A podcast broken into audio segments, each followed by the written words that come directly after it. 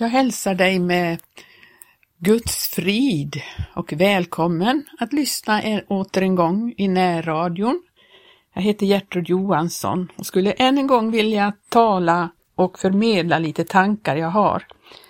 Jag har ett par tillfällen tidigare här talat om bönen och bönesvar och jag vill även denna gång fortsätta tala mera om bönen. Det finns ju så mycket att ta fram ur Guds ord och ur eh, de tankar man har runt detta.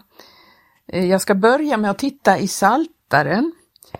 I Saltaren har vi många böner och eh, mot slutet av Saltaren så har vi ett antal bönesalmer kan man säga. Och sen allra sist så finns det en massa lovsånger till Herren. Men vi ska titta lite i psalm 144 där står det så här från tredje versen. Herre, vad är en människa att du vill veta av henne? En människoson att du tänker på honom? En människa är lik en fläkt, hennes dagar så som en försvinnande skugga. Herre, sänk din himmel och far ner, rör vid bergen så att de ryker. Låt djungeldar ljunga och skingra dem, skjut dina pilar och förvirra dem. Räck ut dina händer från höjden, fräls mig och rädda mig ur de stora vattnen, ur främlingarnas hand, vilkas mun talar lögn och vilkas högra hand är en falskhetens hand. Gud, en ny sång vill jag sjunga till din ära, till tiosträngad saltare vill jag lovsjunga dig dig som giver seger åt konungarna, dig som frälste din tjänare David från det onda svärdet. Fräls mig och rädda mig ur främlingarnas hand, vilkas mun talar lögn och vilkas högra hand är en falskhetens hand. Den här salmen är skriven av David och han ber Gud om att rädda honom från alla dessa berg som står honom emot och all, emot alla dessa falska tungor, dessa lögner som kommer emot honom. Och sen står det, efter det här versen jag läste, så står det om hur det blir när det blir välgång i en människas liv. Och så sista versen så står det saligt är det folk som det så går. Ja, saligt är det folk vars Gud Herren är. Vi har en Gud som hör våra böner. David visste det mycket väl. Han tackade Gud och han bad om räddning eh, för, mot allt det här. Vi lever också i en tid när vi verkligen måste be Gud om en räddning och frälsning ur alla dessa falska tungor, alla dessa eh, falsk, eh, falska händer. Det står vilkas högre hand är en falskhetens hand. Så är det för oss också. Vi har den kampen och därför så behöver vi bedja till Gud. Vi, vi ska titta i psalm 145 i 17 versen. Herren är rättfärdig i alla sina vägar och nådig i alla sina verk. Herren är nära alla dem som åkallar honom, alla dem som åkallar honom uppriktigt. Han gör vad de gudfruktiga begär och hör deras rop och frälsar dem. Och Herren bevarar alla dem som älskar honom, men alla ogudaktiga skall han förgöra, och min mun ska uttala Herrens lov och att allt kött ska prisa hans heliga namn alltid och evinnerligen. Där talar David eh, om Herren. Han vet att han är rättfärdig, han är nådig och att han är nära alla de som åkallar honom uppriktigt. Vilken glädje och rikedom att veta detta och ha en sådan Gud.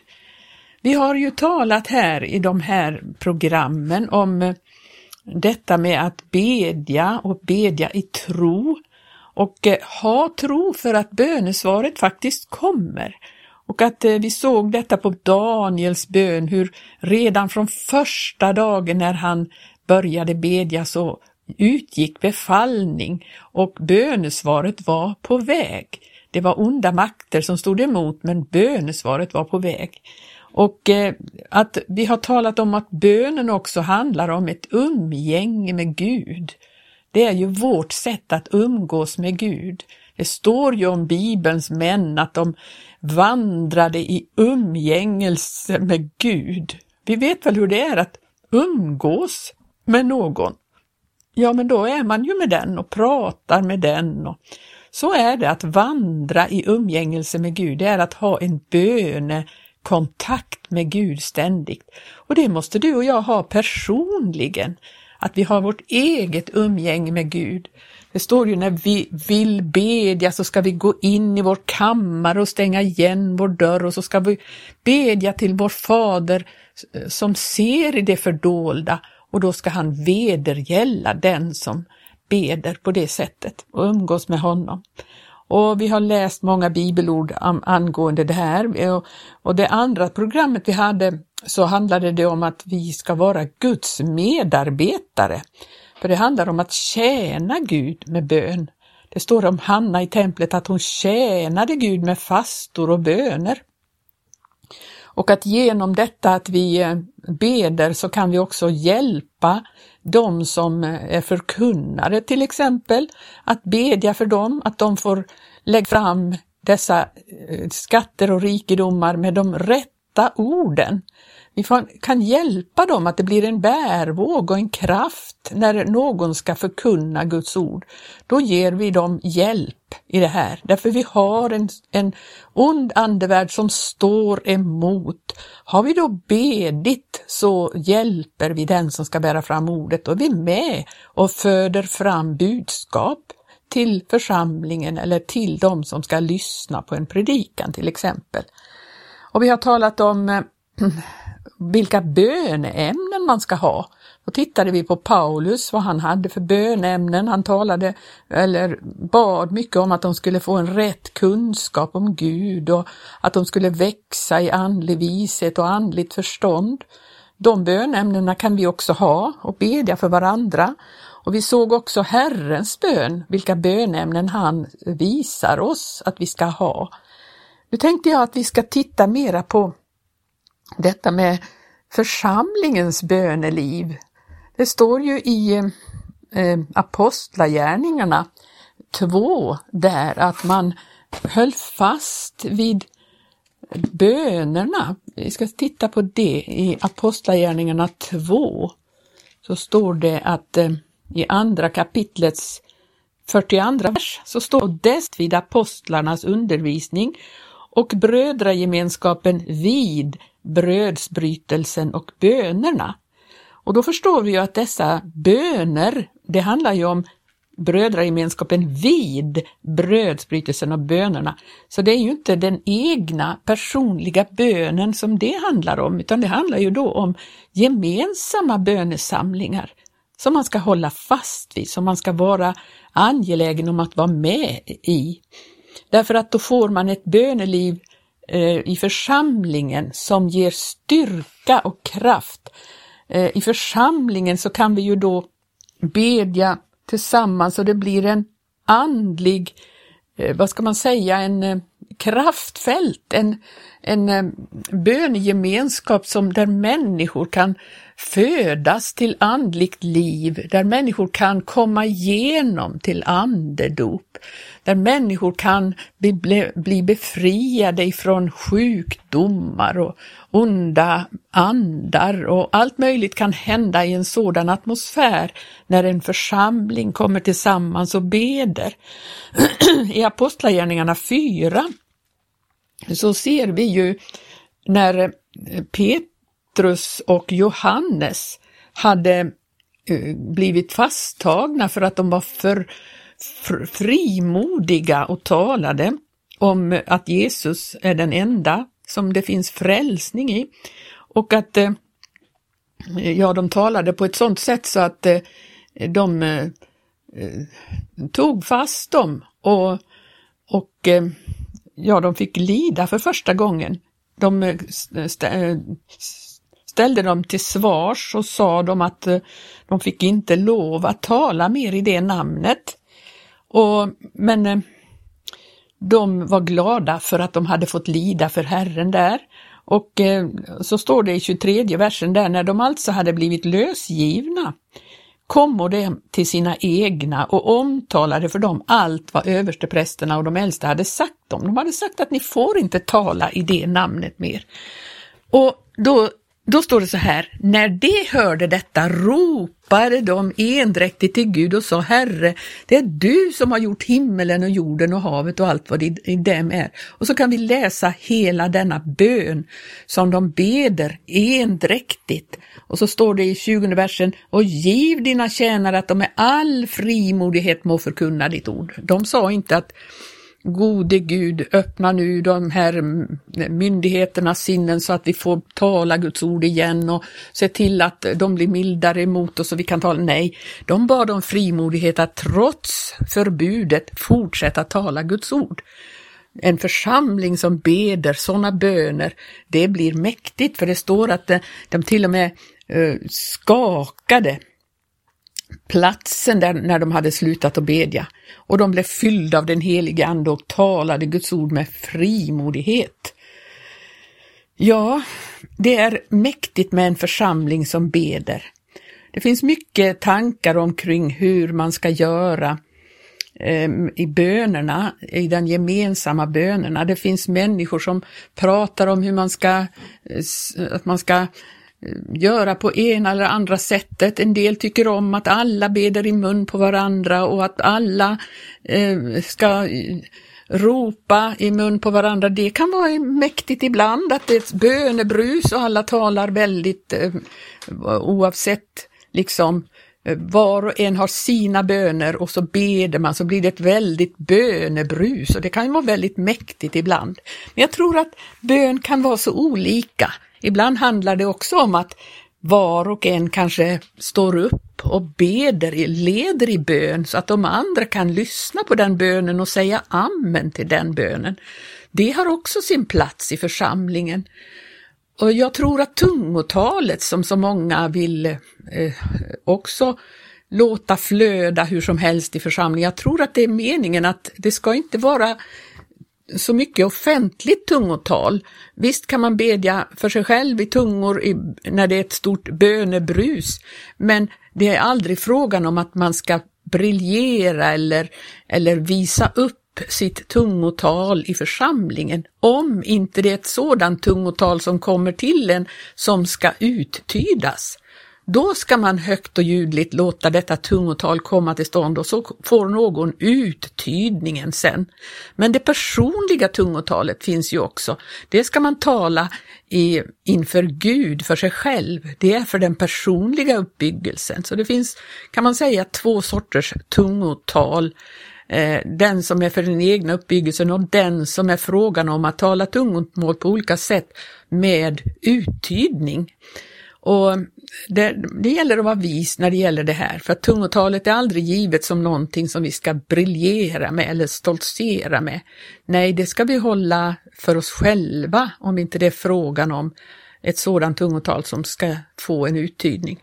Och där finns det också då möjlighet i församlingen att eh, eh bedja för varandra i församlingen kan man ju, som det står om, lägga händerna på varandra så att eh, människor kommer igenom till andedop eller att människor kan bli helbrägdagjorda eller befriade från onda andar. Det är ju sådant som det eh, församlingens böneliv kan handla om. En del pratar om hur att man ska eh, stå när man ber eller att man ska böja knä Eh, Eh, eller det finns olika sätt. Faktiskt så står det exempel på olika sätt att vara när man beder.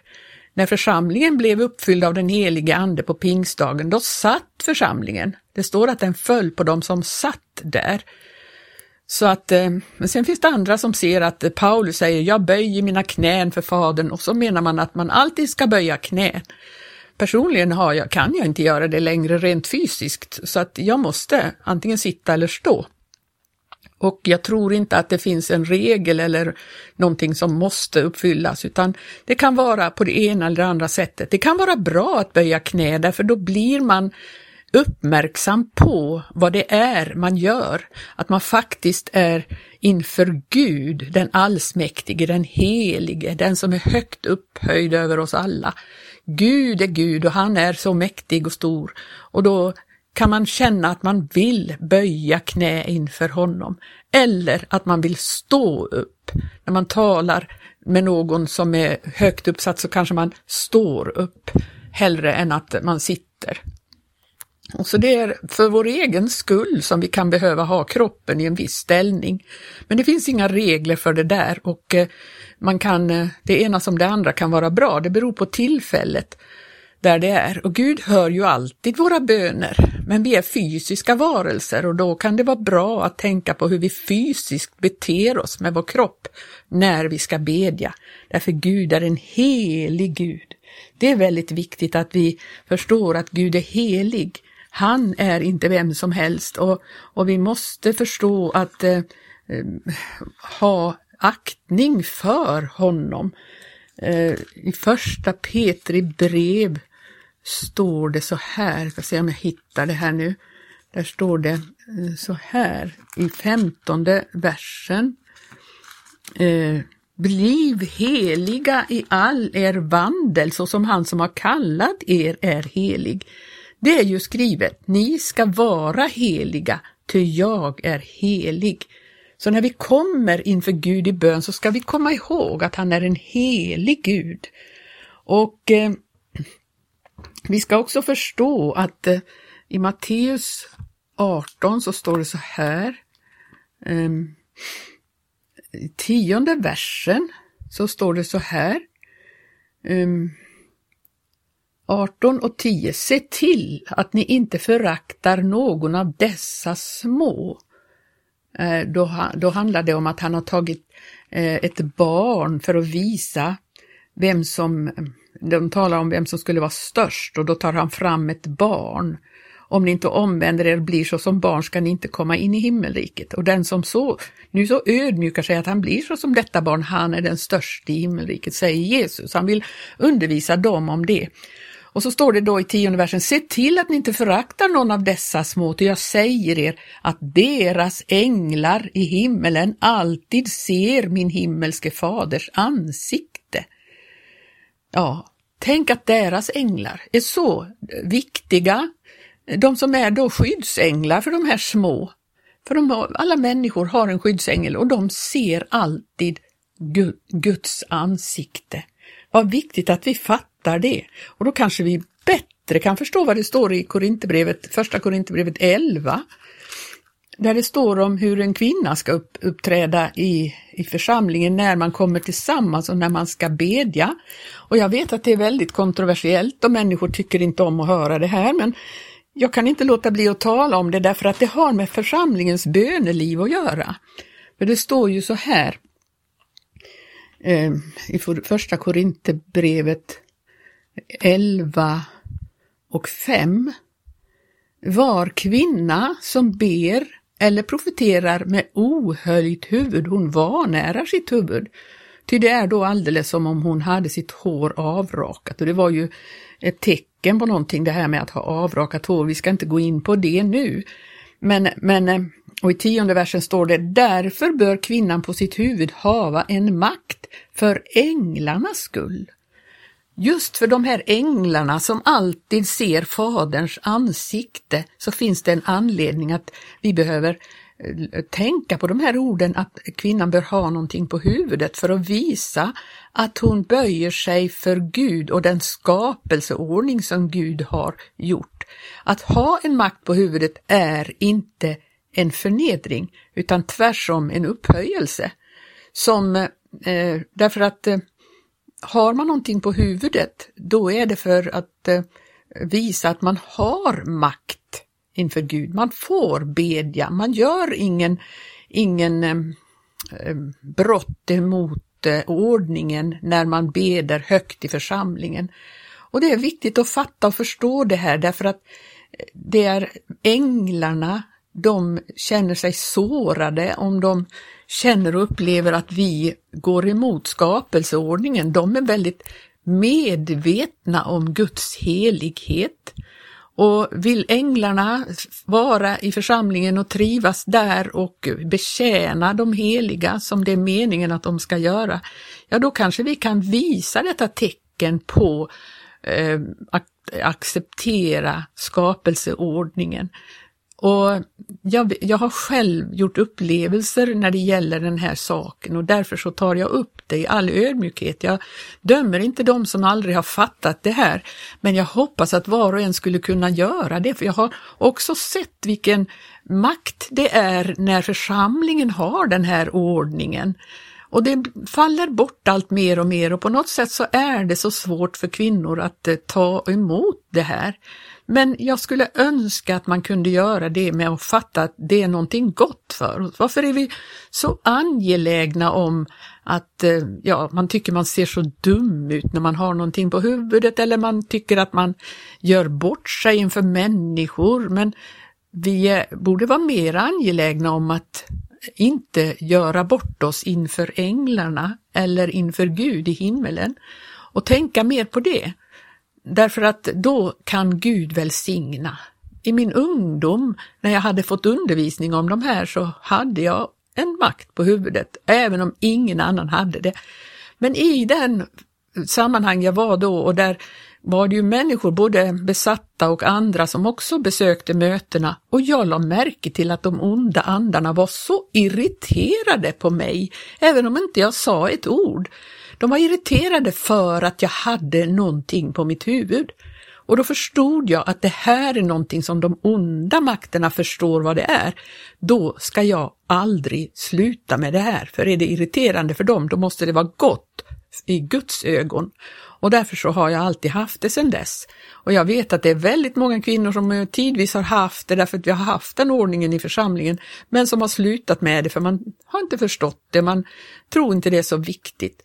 Jag tror att det är viktigt, men man kan inte förmedla det genom annat än med den heliga Andes hjälp och jag lägger det här i församlingen som någonting som var och en får bedja om och eh, söka Gud inför och ransaka om det kan vara riktigt att eh, beakta de här orden. Jag tror att det är det.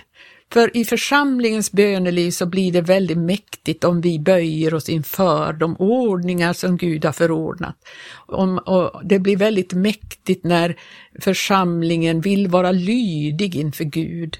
Det är det det handlar om, det är tecken på lydnad, det är tecken på underordnande, det är tecken på att man förstår Guds helighet.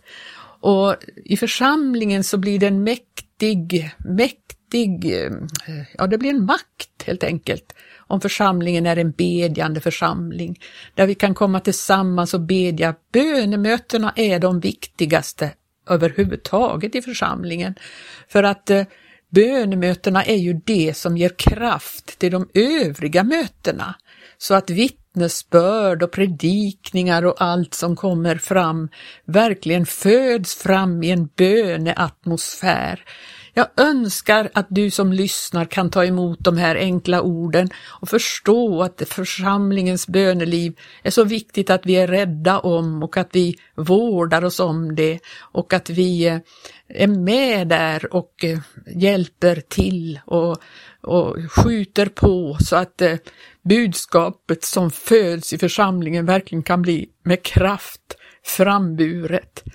Må Gud välsigna dig som har lyssnat och så hoppas jag att eh, vi kan höras igen nästa vecka med någonting som Gud lägger på hjärtat. Gud välsigne dig. Amen.